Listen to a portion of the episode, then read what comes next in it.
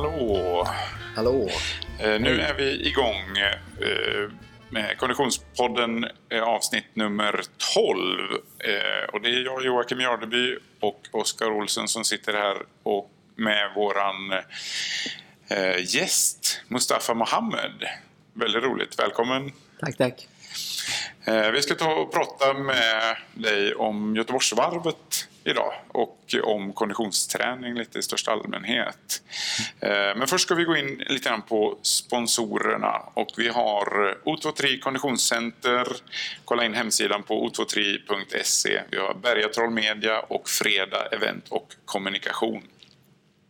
Vi brukar också ta lite lyssnarfrågor. Eh, men eftersom vi har eh, Mustafa här idag så ska vi bara nämna att vi har fått en fråga som vi kan ta upp i ett annat program sen som är från Inge Holmqvist, en duktig simmare från Triathlon Väst eh, som eh, eh, har ett förslag på ett ämne som handlar om friskdagar och sjukdagar. Hur man kan maximera frisk, antalet friskdagar och eh, minimera sjukdagarna. Eh, och hur man ska jobba runt omkring det. Så det tänker jag att vi tar upp så småningom. Eh, tack för en mycket bra fråga och då läser vi hela frågan och utreder den i ett annat ämne. Men ehm, nu ska vi då ge oss in i ehm, dagens ämne då, Mustafa Mohamed och Göteborgsvarvet. Och jag tänkte vi kunde börja med att presentera dig lite grann Mustafa för du har ju en ganska gedigen eh, meritlista eh, bakom dig. Eh, du är ju en löpare, eh, distan- långdistanslöpare från Göteborg eh, som... Från Lysekil ursprungligen. Lysekil, okej, Lysekil. Mogadishu. Ja, Mogadishu, ja. Och du har, eh, om jag har räknat rätt, eh, 22 SM-guld, eh, 11 SM-silver, 4 brons, vilket är en väldigt bra viktning mot guldsidan, så att säga. Eh, Vinnare kan man Det säga. stämmer säkert. Eh, Sen har du vunnit Göteborgsvarvet ett par gånger. Två gånger. Ja, och Lidingöloppet tre gånger. Stämmer. Och eh, du har också tävlat i både OS och VM och du har ett eh, EM-silver i terränglöpning och ett, två, Två brons. brons. Ja, du är bra påläst. Jag har letat överallt. Ja, det var inte så svårt att hitta. Men, ja, det är en fantastisk eh, meritlista måste jag säga. Och eh, nu i och med Göteborgsvarvet så är du också expertkommentator för SVT. Ja, jag var det förra året och det var kul så jag tackar jag i år igen. Ja. Så det är ju jättekul för oss att få möjligheten att prata med dig här om, eh, om Göteborgsvarvet. Eh, Så, eh, och jag kommer komma med lite mer sådana dumma vanliga frågor från, från allmänheten så att säga. Men, men Oskar har eh, förberett en liten agenda just eh, som ni kan eh, prata om när det gäller ja, tips och, och, och råd inför hur man lägger upp och, och sådär. Så att, egentligen kan väl du Jag take it skulle- away Oskar Ja, helt precis. enkelt. Jag, jag är ju lite intresserad och jag tror att många av våra lyssnare också är det att eh, kanske höra lite också om Mustafas eh, historia. Jag vet Mm. ju att du kom till Lysekil när du var typ 10 år kanske? Elva. 11? Mm. Ja. Och sen hittade du löpningen direkt eller hur har det utvecklat sig från då till idag? Mm. Eh, nej, jag hittade inte löpningen förrän fem år senare när jag var 16. Det var fotboll som gällde i början. Ah. Eh, men eh, jag märkte redan under fotbollstiden att jag var uthållig. Mm. Och eh, även i skolan så hade vi skoljogg. Som jag, jag var bland de bästa trots att jag inte tränade löpning. Så jag provade, gick med en klubb som heter Hälle IF. Som min bror redan sprang för. Baserad i... I Ljungskile. Okej. Mm. Och där har jag varit sedan dess. Jag Fått, fick en tränare som heter Ulf Friberg och honom har jag fortfarande. Ja, bra. Så att den vägen är det. Och det framgångarna kom snabbt eh, på juniorsidan. Redan efter ett år med Helle så var jag bäst i Sverige i min ålder. Ja. Så det, det gick snabbt där. Och sen har det rullat på. Ja. Men du har, jag vet ju eh, terräng, terräng-EM har du varit med några gånger. Ja, det brukar oftast vara terräng. 10 kilometer va? Runt 10 mellan 8 kilometer. och 10. Precis. Ehm, och sen så har du sprungit mycket hinder också. Mhm. Ehm, finns det någon eh, anledning att det varit de två? Och finns det likheter? Jag förstår ju att man är terränglöpare så är man ju styrkelöpare. Lite Mm. som Lidingö har passat dig. Och sen även hinder är också mer, folk tänker ju inte på det, de tycker att hinder är så utspridda men det är också väldigt lite mer styrke än att de springer kanske 1500 flat out eller? Ja, det är dels styrka och sen är det att man tappar rytmen lite grann. Och det, det har man inte så stort problem med som terränglöpare, att man tappar rytmen. Så det passar Nej. bra ihop. Och matcha de två ja. Ja, matcha. Och det krävs också ganska stor uthållighet trots, på hinder, trots att det är bara 3000 meter. ja. Eh, Och om vi ser exempelvis många duktiga hinderlöpare som Anders Gärderud som hade svenska rekordet före mig. Han var också, kom från eh, terränglöpning och orientering. Och, ja. så att det passar rätt så bra ihop. Och jag gillar också den här variationen av att dels tävla mycket men att ha inte bara bana hela tiden utan eh, som bra alternativ under uppbyggnaden. Springa lite terränglopp och så. Mm. Det Var det så, har du genom din historik, eh, jag förespråkar ju mycket eh, traillöpning för, som komplement eh, för löparna och, och även triatleterna. ehm, för att liksom bygga upp styrka och sådär. Har du, har, terräng, alltså har du tränat mycket? Jag vet att du har tränat någonstans mellan 11 och 15 mil i snitt per vecka. Har det varit mycket terräng eller hur har du Ulf tänkt där? Det har varit mycket terräng Mm. och jag har också tävlat terräng också som del av hela satsningen. Även om Ja. det- är kul med terräng så är det bra för även banlöpningen, ja. så tänkte vi. Ja, Så att det ger styrka och det är lite backar och så att det, det har varit en del av hel, helheten. Var har ni tränat någonstans genom åren? Alltså mestadels har varit eh, Skatås och Delsjöområdet. Mm. Har det varit. Har ni gett er ut och sprungit eh, obanad terräng ibland som orienterare? Och, Eller har ni hållit er på gruset? Mm. Nej, vi har hållit oss på gruset. Jag Okej, har lätt för att vricka fötterna okej. när, jag kom, så när jag springer på rötter och annat. Så. Men eh, jag gillar att ibland ge mig ut här och då inte farten någon fokus på utan bara ut och köra. Just det. Men eh, terrängbanorna på mästerskap, för våra lyssnare som inte vet, man kan ju ibland tänka sig att det är ehm, eh, det finns mycket traillopp som kommer idag, vet ju du och jag för motionärerna. Och där är det ju mitt ute i skogen nästan, så där mycket stock och sten. Eh, terrängmästerskapen är ju faktiskt lite mer bredare banor, kan vara mycket gräs, precis. lite hinder där och var, men ändå ganska snabblöpt. Ja, det är det. det ibland händer det att det blir sån här lite lerigt, gyttja, så det blir tungsprunget. Ja. Särskilt om det är på gräs då, så har det kanske regnat en del och, och så har, har löparna spikskor och då Mm. blir det ju lätt att det, gräset blir eh, uppsprunget och ledigt och så. Det. Men det, är- för ofta är det ganska snabba banor, inte jättebackiga. Och eh, breda som du säger, dels för att eh, alla ska få plats och alla rusar iväg och det är Ja. många ganska jämnt eh, Ja. startfält. Så det går dra- inte att ha en stig liksom? för Nej, det- precis. för Banan får avgöra. dra iväg med 100 pers eh, där eh, alla har kapacitet mellan 28 och 30 minuter Ja. på milen. Så Det är svårt ja. det blir svårt. Så det är mer eh, ganska, för jag såg 06 där så hade ni sprang, sprang du på 28.08. Det är ju ganska snabbt från en, en Ja, terrängmil. då, då var det kortare än eh, 10. Det är också det som är, det går inte att jämföra tider i terräng för att eh, ena gången kan det vara eh, 9,7 kilometer, Ja, en annan gång kan det vara 10,3. Lite som triathlonlöpningar. Ja, det kan precis. också vara, det var ju sån, man får 10% marginal så att vissa Ja. banor kan vara 10,1 och vissa kan vara 9,2 och så bara Wow! Jag sprang milen på 34! Bra. Och som elitlöpare så vet, har man ganska bra koll vilken form det är. Så skulle Ja. jag springa 28 minuter så vet jag att det inte är 10 kilometer om det är sån tuff terräng. Ja, ja. Så att, eh, Nej, men det är ju placeringen som räknas. det är placeringar. Ja, vad roligt. Ja, men, så hinderbana, eh, hinderlöpning och så terränglöpning och sen så vet vi då eh, mm, OS eh, Beijing 08 var det 10. Mhm. Ja, Aten 13. Och sen eh, när gick eh, skiftningen sen eh, vidare? Du, du släppte ett hinder. Du slog Gärderud 8.05, han hade 8.08. Mm, jag slog det 2007 Ja, och eh, 2010 gjorde jag mitt sista hinderlopp. okej. Ja. Eh, sen skulle jag direkt gå över till maraton men det var, blev, eh, det var svårare omställning och jag blev skadad så att 2011 sprang jag nästan ingenting. Var det mängden som gjorde, eller varför blev du skadad? Tror du Eh, ja, jag tror dels var det mängden och sen eh, kanske skulle behövt eh, lite mer smidigare övergång. ja. Eh, inte bara pang på Ja, utan eh, tagit det lite lugnare. Jag det. var ganska ivrig och jag var sugen. Ja, ja. Mm. Men eh, och så nu har ni i alla fall eh, fortsatt 2011, inte så mycket tävlande sen 2012. ehm, eh, Du var med i, var det VM i 2013 Bra. var VM i Moskva. Moskva? Mm.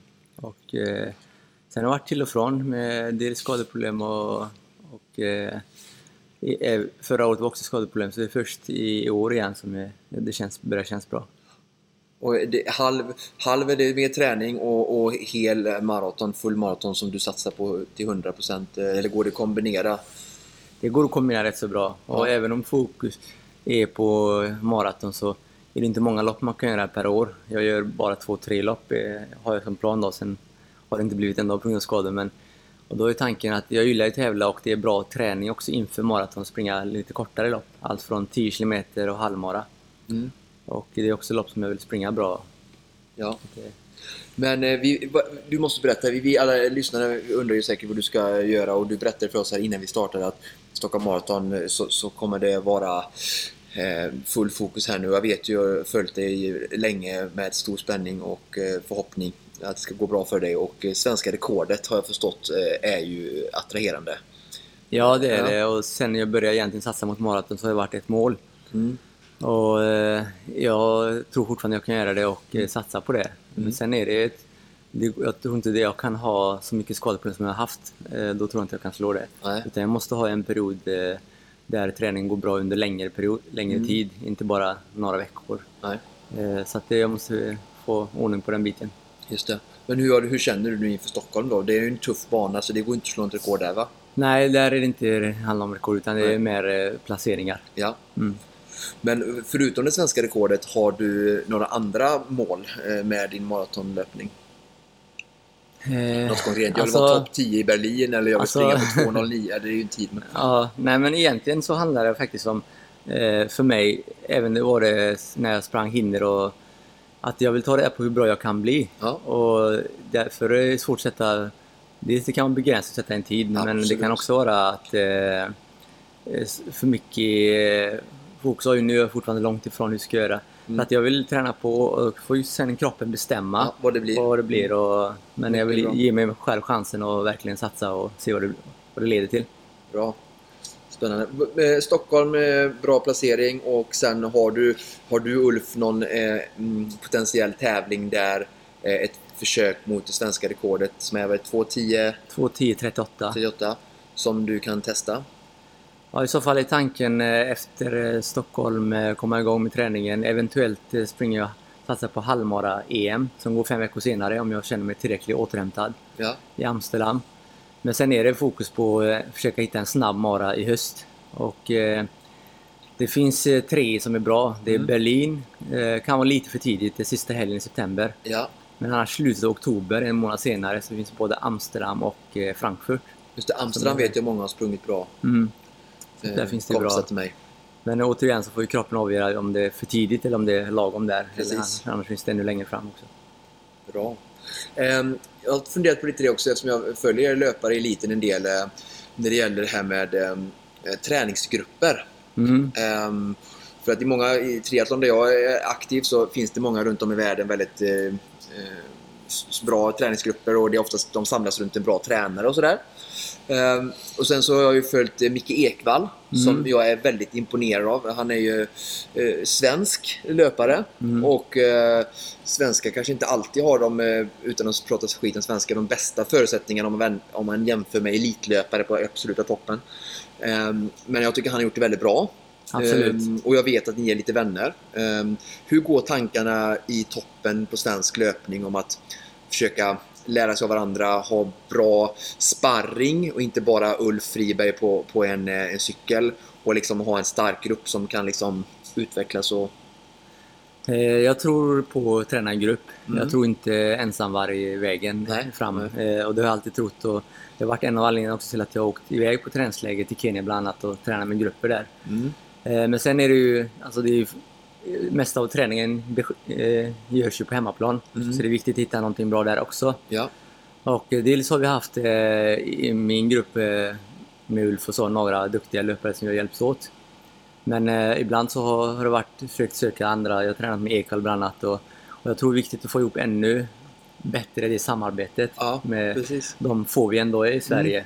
Det är inte så många. Och det, är några, och det, det som är problemet är att det är ganska utspritt. Nu har vi några duktiga i Göteborg men sen har vi några i Stockholm och det, vi skulle behövt eh, de få vi är egentligen i samma ställe. Ställe, ja. Ja. Kan alla ta sin familj och bara flytta ner till Göteborg nu? ja. Så att, eh, men sen har, ibland har det varit att vi har åkt tillsammans på läger också. Ja, det är bra. Och eh, kunnat träna där. Kan ni få någon hjälp av förbundet där? Det har varit sådana Ja. satsningar också. Ja, ja. Jag vet bland annat att vi har vi har haft ett läge där vi åkte ett gäng till Kenya och tränade ihop. Bra. Eh, Men det är framförallt hemmaplan jag känner att det skulle behövas ännu mer. För att eh, när jag åker iväg på Kenya så finns det ju ganska många duktiga löpare Ja, där. Absolut. Så att där är det ganska lätt för mig att hitta grupper. Jag var nära nu i januari och eh, hade riktigt bra träning med bra gäng där.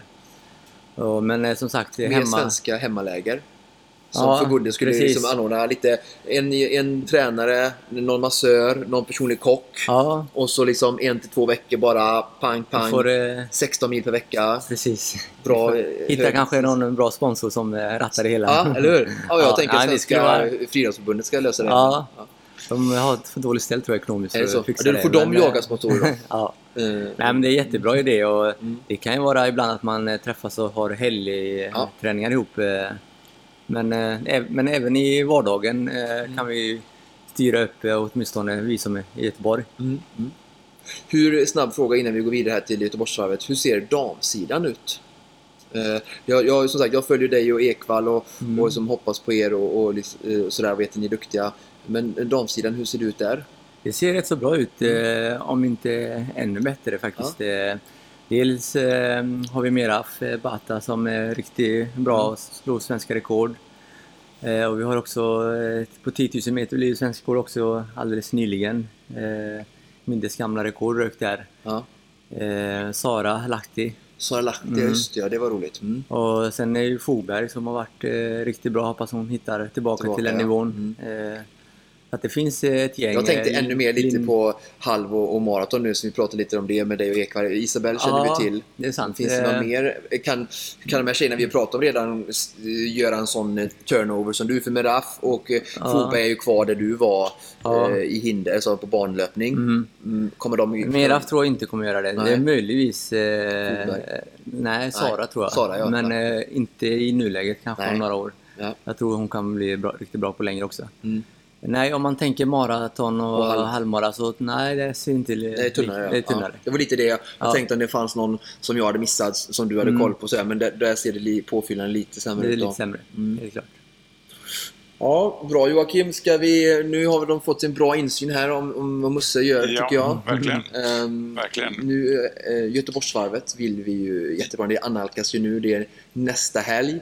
Ehm, nu är de här dagarna viktiga här, känner jag. Ja, det Ehm, känns ju som att nu är det väl träningen så att säga ska vara gjord vid det här laget. Ja, eh, det- tänker ja. Men det finns väl en massa andra grejer man kan göra för att, att dra så stor nytta man kan av all träning man har, förhoppningsvis har lagt Mm. ner. Då.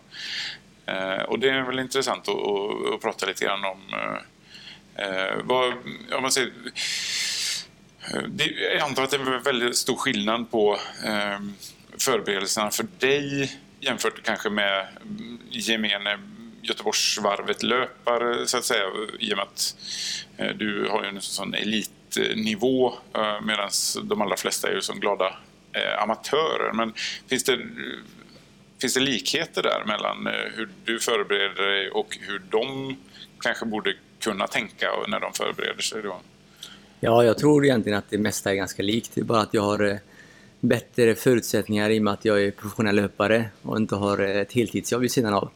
Eh, men eh, något som, eh, om man tänker sig formtoppning, som man ofta pratar om, man vill all den träning får man, vill man få det till att prestera som bäst i loppet. Då. Och då är det viktigt att dra ner på träningen. Att inte behålla en hög träning. Då. Det gäller både kvalitet men även i mängd. Då. Och där är det kanske lättare för mig att gå ner från 12 pass och dra ner jämfört med kanske någon som kör 2-3 pass. Eh, Det blir inte mycket att dra ner på. Nej, just det. Men även där tror jag är bra om man kan dra ner, springa lite kortare, eh, Lite lugnare. lite lugnare, kanske till och med ett, två pass, eh, alltså dra, dra bort något pass. Och en viktig man- sak att, eh, att eh, tänka på i detta är att anledningen till att Mussa säger att man ska träna mindre och med lägre intensitet, det är ju för att kroppen ska återhämta sig. Det är, vi har pratat mycket om det här med träning, återhämtning och träningslärans eh, progressionskurva där vi hela tiden blir starkare. Och förutom då att man, när vi kan då Eh, säga att vi, det är återhämtningen, att kroppen ska bli starkare som är fokus. Då är det så att, eh, vi har inte pratat så mycket om det, men det finns ett ämne som heter kortisol i kroppen eh, som, som också påverkar återhämtningen mycket. Eh, när vi har liksom höga stresspåslag och har mycket att göra på jobbet. Så, så att en annan sak är ju också att försöka ge oss den här sista 8-10 dagarna mindre stress mindre Facebook, mindre eh, TV-tittande, försöka jobba mindre och liksom planera in mindre sociala träffar. Utan vara hemma, läsa en bok, vila lite. För att då är det ju så att då effektiviserar vi också återhämtningen. Om vi det kan jag tänka mig att det kan bli så för gemene man mm. att de tränar mindre, mm. men så fyller de den träningstiden med något annat. Ja. Och då blir ju återhämtningen också sämre och så får man inte riktigt den formtoppen. Mm. Så det tror jag är en viktig sak att skicka med också. att vi vill öka återhämtningen genom att göra en träningslättnad men också då låta kroppen bygga upp genom att vi ger en chans till att vila. Just det. Hur pass mycket går du ner i så att säga, åtaganden och, och sådär då i, i, runt omkring träningen? För du drar ner då kanske mm. till hur, hur, många pass färre gör du och hur mycket och sen så hur mycket tar du Alltså det är, passen så kanske jag går ner från eh, 10-12 pass till 6-7 eh, pass. Ja. ja näst, till och med ner mot 5, halvera nästan ungefär. Och sen drar jag ner även på mängden, så att istället springa de här långa, längre passen så blir det kortare. Mm. Det blir mer återhämtningspass. Gå ut och springa en 30-40 minuter lugnt istället för en timme, en och tio i högre fart på distansen exempelvis. Och intervallerna kan ju vara Istället för att springa en 12, 13, 15 kilometer intervaller så går jag ner på ett 5-6 Eh, så att all, allting blir mindre. Mm. Och sen är det ju allt det här också runt omkring, dra ner på det med eh, sponsoråtaganden och det nu kan vara olika resa eller eh, ja, andra saker som eh, kan skapa viss stress. Och, så det blir lite grann som en, en heltidssysselsättning att, att vila nästan ja, kan man säga? Man går in i, jag går in i min liten bubbla där och ja. Eh, ja, har eh, även tänka på bland annat, jag vill inte bli förkyld i sista stund. Så då brukar jag ha barnen hemma från förskolan så att de inte tar med sig baciller härifrån. jag, jag tycker själv, jag har ju inte, jag har aldrig tränat, men jag, de flesta människor har ju haft någon form av erfarenhet av, av tävlingssituationer och så, men jag har ju aldrig varit på någon, någon nivå på någonting så. Men det som jag har upplevt också, det, för, för jag tycker det är så svårt att, att förstå den här grejen, vad, vad, det innebär att, att det här att gå in i sin bubbla, att, att, så att säga, förbereda sig mentalt. Jag tycker mest att man blir, jag blir så här stressad inför och tycker att det känns jobbigt så vill jag inte tänka på det överhuvudtaget. Jag vill inte tänka på tävlingen för att det känns bara jättejobbigt mentalt. Eh, så då blir det som att jag undviker att tänka på det. Och sen blir jag jättetrött den dagen när det är tävling och går och gäspar. Och sen så gör man loppet. Men hur, hur, hur funkar det där? Hur gör du? Alltså, vad, vad, vad innebär det, det här att gå in i sin bubbla? Och liksom och... Det är individuellt det där. Vissa vill tänka på det och, eh, och vissa vill eh, göra annat och liksom eh, ta bort fokus. Så det är lite olika. Och jag tror för mig passar det i alla fall inte att gå på det, tänka på det hela tiden. Oh, nu, nu närmar det sig nu. Utan jag vet ju att det närmar sig och jag vet vad jag ska göra. Och, eh, däremot så kan jag tänka på det lite grann och se fram emot att eh, ja, nu är det sista kvaliteten här. Nu är det sista, alltså att räkna ner på något sätt. Eh, men det är, det är någon, en, jag har tävlat så mycket också. Jag har lärt mig lite hur jag ska förhålla mig till och och det byggs upp viss, eh, ja, dels förväntningar, eh, viss energi och så vidare. Och det, för mig är det nödvändigt. Jag behöver det än att bara ja, tänka på en mota bort det och sen plötsligt bara oj, nu är det tävling. Just det. alltså plötsligt står jag där. Känns det för dig som att den, alltså, tävlingssituationen där, är det, känns det som en, en belöning när man väl kommer dit eller känns det som en, en prestationspress eller hur, hur eh? Alltså det, press finns ju, både från eh, utåt, allt från media till eh, andra så, men eh, även från mig själv. Jag vill ju prestera och vill bygga upp någon slags eh, förväntningar även från min sida. Så jag inte kommer in dit lite loj, och, utan jag vill skapa energi. Men sen har det också betydelse hur förberedelserna har gått när man väl kommer dit. Eh, har man tränat väldigt bra, allting känns bra och eh, då klart det, det blir extra roligt. Mm. Jämfört med om eh, man har haft problem och det har inte gått så som man har planerat. Så, då, så det har betydelse hur förberedelserna har gått. Brukar du känna innan uh, ungefär? Ja, det är klart, du har ju jättebra koll på förstås uh, alla resultat innan på träningar och sådär så att du har en viss koll. Men brukar du känna liksom i kroppen nu kommer det gå riktigt bra och sådär eller, eller kommer det lite så här Mm, för det mesta så jag, ser man på träning och så att, eh, hur formen är. Eh, sen kan man ju förvånas lite grann ändå. Eh, som exempelvis när jag slog Anders Järryds rekord. Då kände jag sista träningspassen att jag var bra och känslan var bra även på uppvärmning och så vidare. Men ändå blev det betydligt bättre än vad jag hade räknat med. Så att ibland kan man överraskas ändå. Men i sånt lopp där, eh, jag tänker också lite pacing och strategi. Eh, vi kollat på andra lopp eh, som du har fått bra placeringar, det kan gå 8-20. Det är ju väldigt beroende också på loppet har för dynamik. Mm. Hur, var, hur var din pacing-strategi där kontra andra lopp du har gjort? Och sen Just det där loppet, rekordloppet, så då var inte fokus på tider utan det var fokus på placeringar. Ja. Och det gick fort men jag brydde mig inte om det utan det var liksom, jag hängde med. Ja. Vi var tre stycken som kom loss på slutet och, och jag ville vinna loppet. Ja. Och då, jag tror också ibland när de gör de bästa tiderna är när man inte fokuserar på tider. Nej, de inte har harar som ska beställa äh, varvtider. Ja, vi hade harar och så men ja. Eh, var, de gick av efter eh, halvvägs ungefär. Ja. Och sen var vi kvar och skulle göra upp om det. Liksom. Så första delen var det bara alla hängde med. Sen eh, började man positionera sig och ja, fokusera mer på placeringar.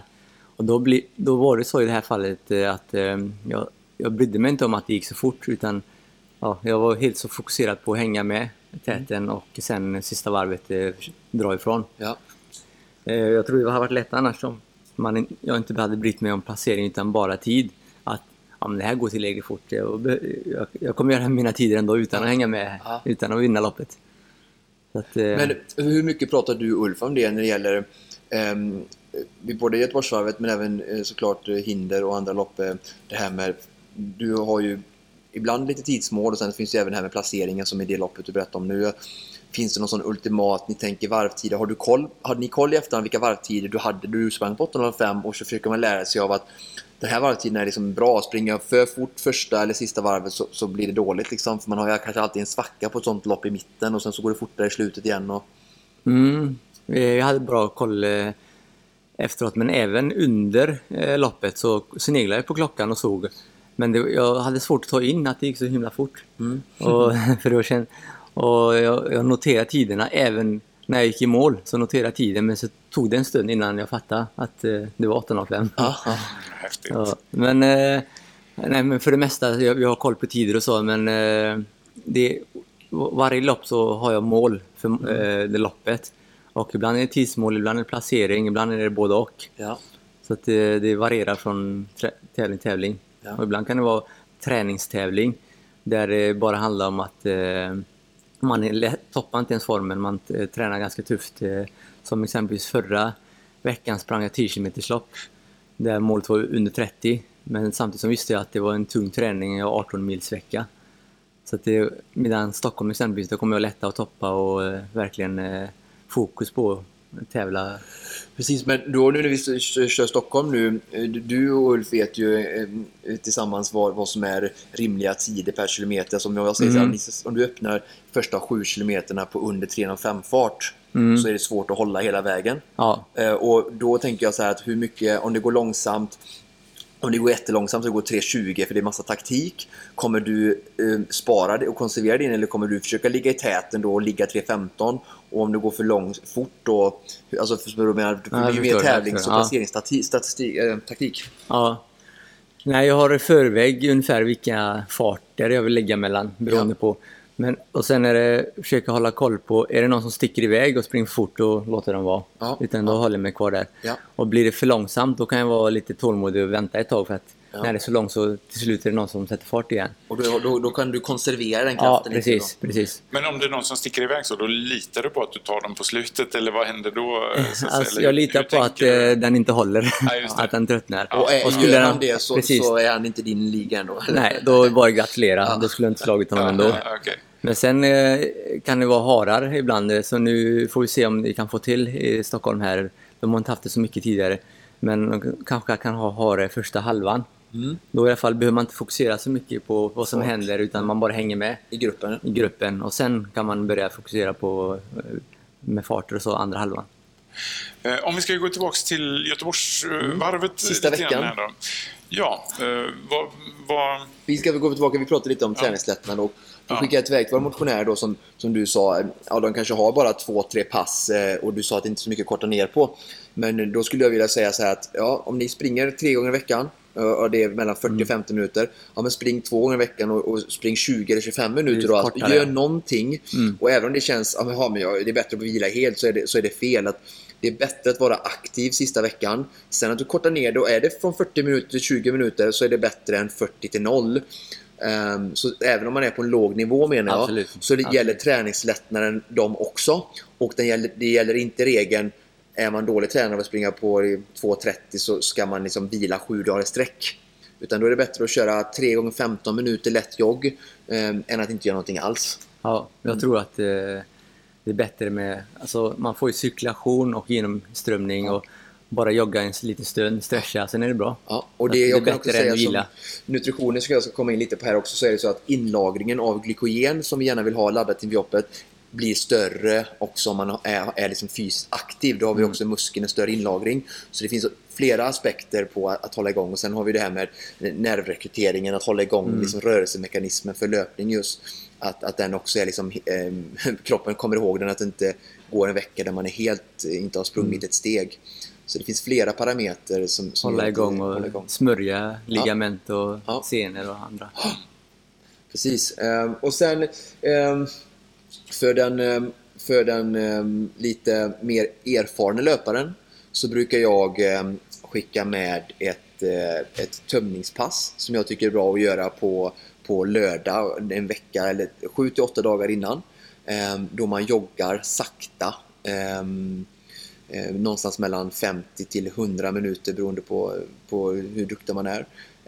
Innan frukost. Och sen därefter så börjar man, det kallas för en klassisk kolhydratsladdning då. Därefter så äter man bara bra mat, en frukost eh, och, och sen lunch och sen så gäller det liksom nästkommande sju dagar att, att bara fylla på systemet eh, och äta som vanligt. Bra mat, eh, of, lite och ofta. Ehm, och eh, inte sträva ut och äta någon, liksom, stora mängder utan att din träningslättnad i sig kommer göra att du, att du går plus eh, kalorier mot en vanlig vecka när du tränar kanske liksom 40, 50, 60 procent mer och med hög intensitet. Så att du, du behöver liksom inte, oftast inte öka ditt näringsintag, alltså mer kalorier, för att du tränar mindre så du går plus de här sju dagarna Mm. då. jag kan tänka... Ja, förlåt. Jag tror det är viktigt att man inte börjar experimentera med kosten sista Nej, veckan utan man, man gör som eh, man är van med, som är vanligt. Just det, för det är väl många som...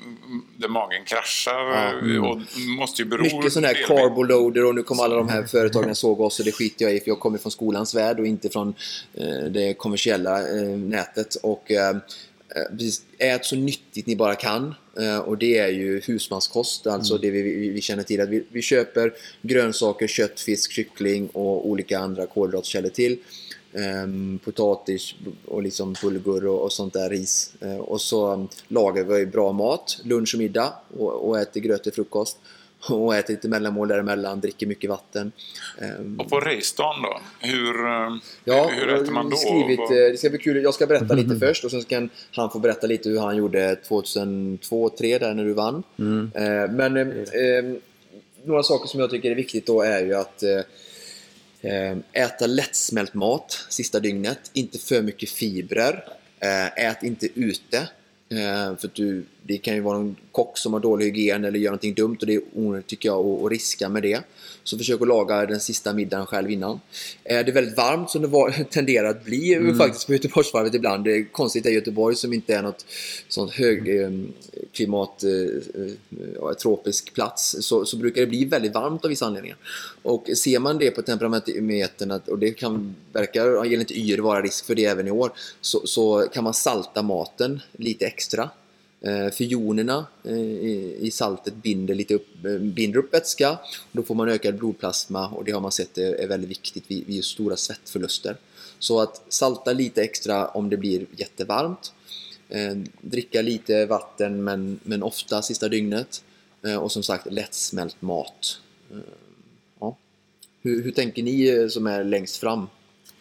Eh, ja, salta absolut. Eh, Men eh, även ö- ö- dricka lite mer brukar jag göra än normalt sista dagarna. Ja. Så, och eh, ja, eh, Dricker du vatten då eller har du någonting i vattnet för Ja, att ta upp det alltså bättre? så här, eh, under träning så dricker jag sportdryck. Ja. Ja, och för det vill jag öva på, för det dricker jag även på loppet sen. Mm. Och jag tror det är viktigt, eh, precis som vi sa om maten, men även allt annat man gör under loppet, att man har tränat på det. Så att man eh, inte tar sportdryck om man aldrig gjort det innan exempelvis, utan gärna har provat det på träning. Eh, och sen, eh, ja, jag brukar då minska lite på proteinintag sista dagen och så, utan eh, mer lättsmält och lite mer kolhydrater. Just. Och på morgonen eh, frukost. Vi, det är starten är ju så pass ändå, för, i alla fall för eliten tidig, så att man hinner inte med någon lunch eh, emellan. Utan det blir bara frukost, eh, brukar jag ha. Och ni som inte gör det kan jag ju säga att det är bra tycker jag att gå igång, eh, ligg inte till klockan 10 och ta sovmorgon den här dagen utan gå gärna upp vid 6-7, ät en, en lagom liten frukost och sen eh, se till att äta en, en lättare lunch som ni har förberett eh, tre timmar innan start. För att det finns så många som, som startar vid 14, 15, Ja, 15.30 precis. och, och, och för dem tror jag det är viktigt att hinna med en lunch tre timmar innan. Och det hinner man med om man går upp i tid. Så det inte blir så här att jag kan tänka mig vissa tar sovmorgon till 8-9, äter frukost vid 10 och sen så tänker man jag hinner inte äta någon lunch. Så tar man någon som sketen bar vid klockan 1, halv 2 eller kexchoklad. Och så blir man liksom så har man inte ätit någonting den dagen. Och så har vi ju haft folk som tyvärr har som haft riktiga utmattningssymptomer och sånt där. Liksom. Och det finns ju som salt och vitaminer och mineraler i, i lunchen de får som är väldigt viktiga för loppet. Så, så har man liksom inte tajmat det den dagen så, så är det dåligt. Så att gå upp som ni gör en vanlig dag kanske för att er Mm. eh, kemiska, alltså biologiska klocka är van kanske gå upp 6-7 en vanlig jobbdag. Så gå upp då, ät frukost eh, och ni har lagt er i tid dagen innan så hinner ni med frukost och lunch. Ehm, I värsta fall får man ju lägga sig efter frukost igen. Ja, precis. ja, det går ju absolut. Det går jättebra. Mm. Det är, lite koma efter maten är bara positivt. Mm. Ja, för du, du kör också att du, du kanske inte äter någonting två timmar innan, eller hur lång tid innan brukar du... Frukost vill jag ha ungefär tre timmar innan. Är det lunch Ja. så eh, brukar jag ha lite längre innan. Eh, tre, halv, nästan fyra. Ja, det är så pass länge Eh, som du... Och sen ja. efter det, är det bara vätska eller, eller tar Ja, du något eh, mindre? Ja, eh, mest vätska, men ibland så tar jag eh, en banan en timme innan ungefär. Exempelvis. Eh, Så att, eh, men eh, senare tid har jag faktiskt minskat så att jag äter ungefär en tre timmar innan. För när jag sprang bana så var det fyra timmar. Mm. Hur, beror, är det en skillnad på längden på loppen? Jag tänker, jag menar, Ja. vissa lopp är ju ganska explosiva mest och andra kanske är lite mera... Eh, Just på längre, eh, kortare distanser så gjorde inget att, man, att jag åt så långt innan. För den energin räcker ju ändå till eh, så pass korta lopp. Medan jag behöver på längre eh, lagra mer eh, och äta lite närmare. Mm. Bra, det var, nu har du tänk- bra. Har du känt, om du skulle springa nu på lördag nästa helg, hade du... Ja, hade men du jag, med tror att de här förberedelserna är ju enormt viktiga. Jag vet ju själv, just det, man, men jag är så här irrationell så jag gör så här dumma saker som jag åt väldigt starka korvar Oj. dagen innan jag körde vad heter det, Kalmar. Kalmar, och eh, det resulterade i tre besök på Bajamaja under Okej. löpningen där så att det, det gick eh, inte så bra. Men, eh, nej, men jag tror att det är jätte, verkligen eh, jätteviktigt ju de här Och även andra saker som kläder och skor och att man testar. testar sånt och haft det på träning och så inte tar fram dem hur eh, ni, ni köpte. Nej, och sen eh, spring gärna med, eh, ni, av ni som har testat också då, som vi måste säga på träning, med egna vätskesystem. Många torkar ju ut och har man inte, ska man ska springa superfort och vill ha, vara jättelätt i kroppen så, så två små flaskor i ett vätskebälte är inte heller dumt att ha med sig. För ibland tänker jag att det kan bli både folk är stressade av klockan och att de, det är trångt vid vätskestationen längre bak i loppet. Och då misstår nej men jag tar i nästa station. Och det kan vara så kritiskt under en värmd dag att tappar du en station eh, för mycket så kan det vara liksom på gränsen mellan lyckas och, och, och, och börja gå. Så Man kan också ha med sig en, ener- någon gel eller om Ja, man ja, tappar energin fickan. eh, Mm. så är det bra att ta. Reserv, även om man tänker använda precis, Precis. Många behöver inte äta över varvet utan det är bara att dricka vatten om vartannat sportdryck. Varannan Mm. brukar jag säga. Och sen så kan man ha en gel eh, med sig som... Ifall man eh, sk- Ehm, Ja, vi ska snart börja runda av här. Men eh, jag tänkte bara lite allmänt så här, Göteborgsvarvet. Var någonstans blir det jobbigt? ja, alltså, oftast är det ju längre in i loppet.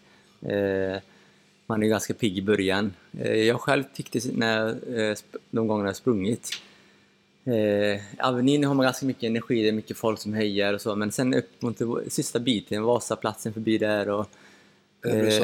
Ja, precis. Det är sak- lite, lite stigande uppför. Mm. Och då har man sprungit ganska långt så man är trött.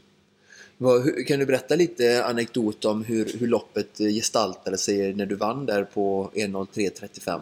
Ja, det var ju första gången jag var med då, 2002 var detta. Mm.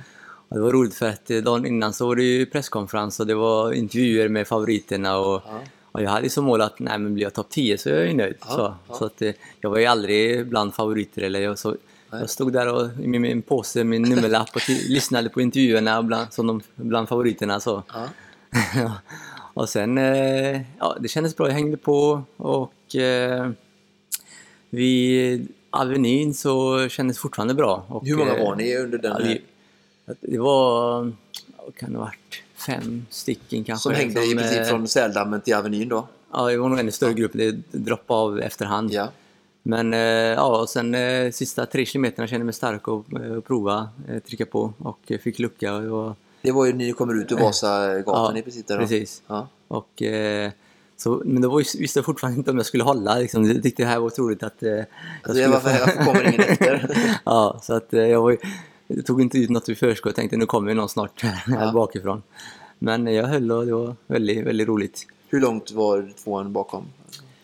Jag kommer faktiskt inte ihåg. Nej, det var Eh, innan Stinholm tror jag. Men sen andra gången, 2004, när jag vann igen, då var jag ju liksom mer eh, förväntat. Jag var bland favoriterna och så vidare. Och då var det också med en kille, Janne Holmén, som eh, bor i Ja, Sverige. finsk. Men, ja, för finsk precis. Och han hade vunnit eh, maraton-EM två år innan 2002 och var ju duktig löpare. Och, Ja. eh, Så jag, och eh, vid Avenyn så provade jag rycka och eh, han var med mig då, Mm. vi två. Så att, eh, och då var det också det här känslan att när man, de andra släpper och man blir ensam och man känner att man kommer vinna. Just det. Och då kände jag mer att jag kommer vinna. Det Ja. gjorde jag inte första gången. Nej, just det. Nej. Ja, intressant. Spännande. Men nu du har du attraherat många bra löpare nu i slutet. Ja, nutid. precis. Det ska ju läggas till att eh, de, när jag vann så var det inte de här världslöparna som är nu. Nej. Och eh, nu är det ju alltså killar som har gjort under 60 på, eh, på, halv- snabba på halvmaran. Det, I snabba banor. Ja. Och de har ju varit nära också även här. Så att, eh, ja. det, nivån har ju höjts helt, helt klart. Och, och I år nu så ska ju Mustafa Mohamed vara kommentator precis som förra året. Vi Ja, tycker det är roligt. expertkommentator. Och, och vill du säga någonting om startfältet som i år? Vad väntar? Alltså dels eh, kommer ju både eh, damvinnaren från förra året och herrvinnaren. Ja. Eh, och eh, de ser ut att ha gjort bra ifrån sig i år och är i bra form. Och så får de bra motstånd, eh, både på dam och här sidan. Så det ska bli kul. Det är flera riktigt duktiga. Och men jag, tror att eh, de, de skulle kunna ta hem det igen. Men eh, jag ska, båda två. Ja. Mm. Men eh, Han är väldigt kolla. ung han herrevinnaren va? Inte? Eller? ja, hur gammal är han? Eh, 22? Nej, Ja, jag har för mig att det är kring där. Ja. Det, det är ungt. Det är ungt ja. Ja. För att vara en sån uthållighetsidrott. eh, Så. Precis. Jag tänkte bara, för den som aldrig har sprungit Göteborgsvarvet och ska göra det för första gången, eh, vad kan man vänta sig så att säga? Vad, Alltså, man, man ska förvänta sig eh, otroligt eh, glädjefyllt lopp, eh, folkfest. Och det är väl det också man tycker man ska ha med sig. att eh, Njut av under tiden och titta runt eh, bland allt folk. Och dels alla som springer men alla, alla som hejar. Och det är musik eh, på vägen, eh, spelas och mycket underhållning och så vidare. Så att då kan man lite få bort fokusen av att det här tävlingsmomentet också. Utan det blir annat och så. Eh, ja, så att man inte bara eh, fokuserar på, tänk- går in i sig själv och bara med sina tankar. Utan faktiskt eh, lyft blicken och se dig omkring. Mm. ja, men det låter bra. Det, det, det känns som en bra inramning utav det hela. Och, eh, för nu behöver vi avsluta här. Eh, egentligen ska vi bara eh, be dig kanske om du har några tips om event och tävlingar som du tycker är, är bra och roliga för, för folk att, att delta i. Förutom Göteborgsvarvet och, och Stockholm Marathon. Och, Alltså jag tycker det finns ju många millopp och det tycker jag även om man är mer halvmara, maraton och eh, riktad så är det jättebra ett, eh, att springa ett millopp mellanåt. Dels för att få den här extra farten och sen få den här tävlingsmoment. Eh, det är inte jättemånga möjligheter kanske man får förbättra på sin tävlingserfarenhet. Så att springa lite kortare lopp och eh, man kan ju ta bort något, byta ut ett kvalitetspass och springa ett 10 km lopp istället. har du några favorit, eh, sådana som är... Det finns väldigt många runt omkring så det beror på när om året det är. Men eh, det finns i stort sett ett varje helg. Eller Ja. till och med flera. Midnattsloppet har vi bland annat som går både i Göteborg, Stockholm och olika delar. Men det som sagt, det finns väldigt många. Du sprang ner i Halmstad, var det Jag Laxaloppet? sprang Laxaloppet. Eh, Det finns, eh, och det ploppar upp nya hela tiden. Eh, Prinsens minne, där de har både halvmara, 10 km, Musselloppet i Lysekil, 10 km, 5 km finns också. Musselloppet, eh, vad konstigt. Vad är- Kommer det ifrån? Det är musselfestival, det mussel. men eh, det låter, ja. ja. Nej, det finns väldigt många. Eh, Karlstad, milen, finns ju runt om i... Det som är också roligt är att man kan även springa under semestern. Eh, det finns oavsett var man är i Sverige, för det finns överallt. Och även utomlands. Eh, vi ska avrunda programmet sen, men jag tänkte nästan att vi gör som så för att du måste sticka nu och eh, så vi, vi avrundar programmet när du har gått. Så vi, vi tackar dig så jättemycket. Det, eh, det, det har varit eh, fantastiskt eh, roligt att ha dig Ja, här. verkligen. och, Tack Tack, tack. Tack själv. Tiden har Hoppas gått vi- fort. Ja, verkligen. Det, det rusar iväg. Eh, Men eh, jag hoppas att vi får chansen kanske att pratas vid, Ja. År när vi har eh, mer Ja. utrustning. Ja, vi har Ja, det lite- finns mycket lite- att prata om. Allt från återhämtning till eh, ja, andra Tävlingar. tävlingar och så vidare. Så Ja. att, ja, jag kommer igen. Ja, men jättetrevligt. Tack så jättemycket. Tack, tack. Tack så jättemycket. Ha det fint. Ja, Oskar, det var ju en riktigt eh, spännande gäst får man ju säga. Ja, verkligen. Eh, det var, ja, nu har vi fått oss eh, en hel del lärdom till livs. Eh, och som sagt, eh, jättespännande att få tillbaka honom hit igen i andra tillfällen. Eh, vi ska egentligen bara avsluta här och ehm, säga som vanligt då våra kontaktuppgifter. Det är konditionspodden gmail.com, Facebook eh, hittar ni oss på Konditionspodden. Eh, kom som sagt med synpunkter, förslag, gäster och ämnen och så vidare. Eh, vi har på lördag någonting väldigt viktigt, eller hur? Ja. Då har vi öppet hus på eh, O2 Tri där du kommer att berätta lite grann om, eh, om eh, O2 Tri Ja. och sedan leder du ett, ett eller flera pass kan det väl bli beroende på hur mycket folk det blir antar jag. Precis. Så, så delar vi upp så att alla får testa på att träna här. Och så försöker vi snacka lite med dem i, eh, eh, i podden också då. Absolut. Det var jättekul med intervjuer. Ja, så nästa podd blir någon slags allmän öppet hus-podd kan man säga då. Ja. Det är roligt. Ja, det tror jag blir väldigt bra. Eh, och så kanske vi tar in något litet, eh, litet ämne sen beroende på lite grann hur, hur stor utrymme det här eh, öppet hus tar. Med det får vi bara tacka för idag Stort tack. och säga hej då. Hej då!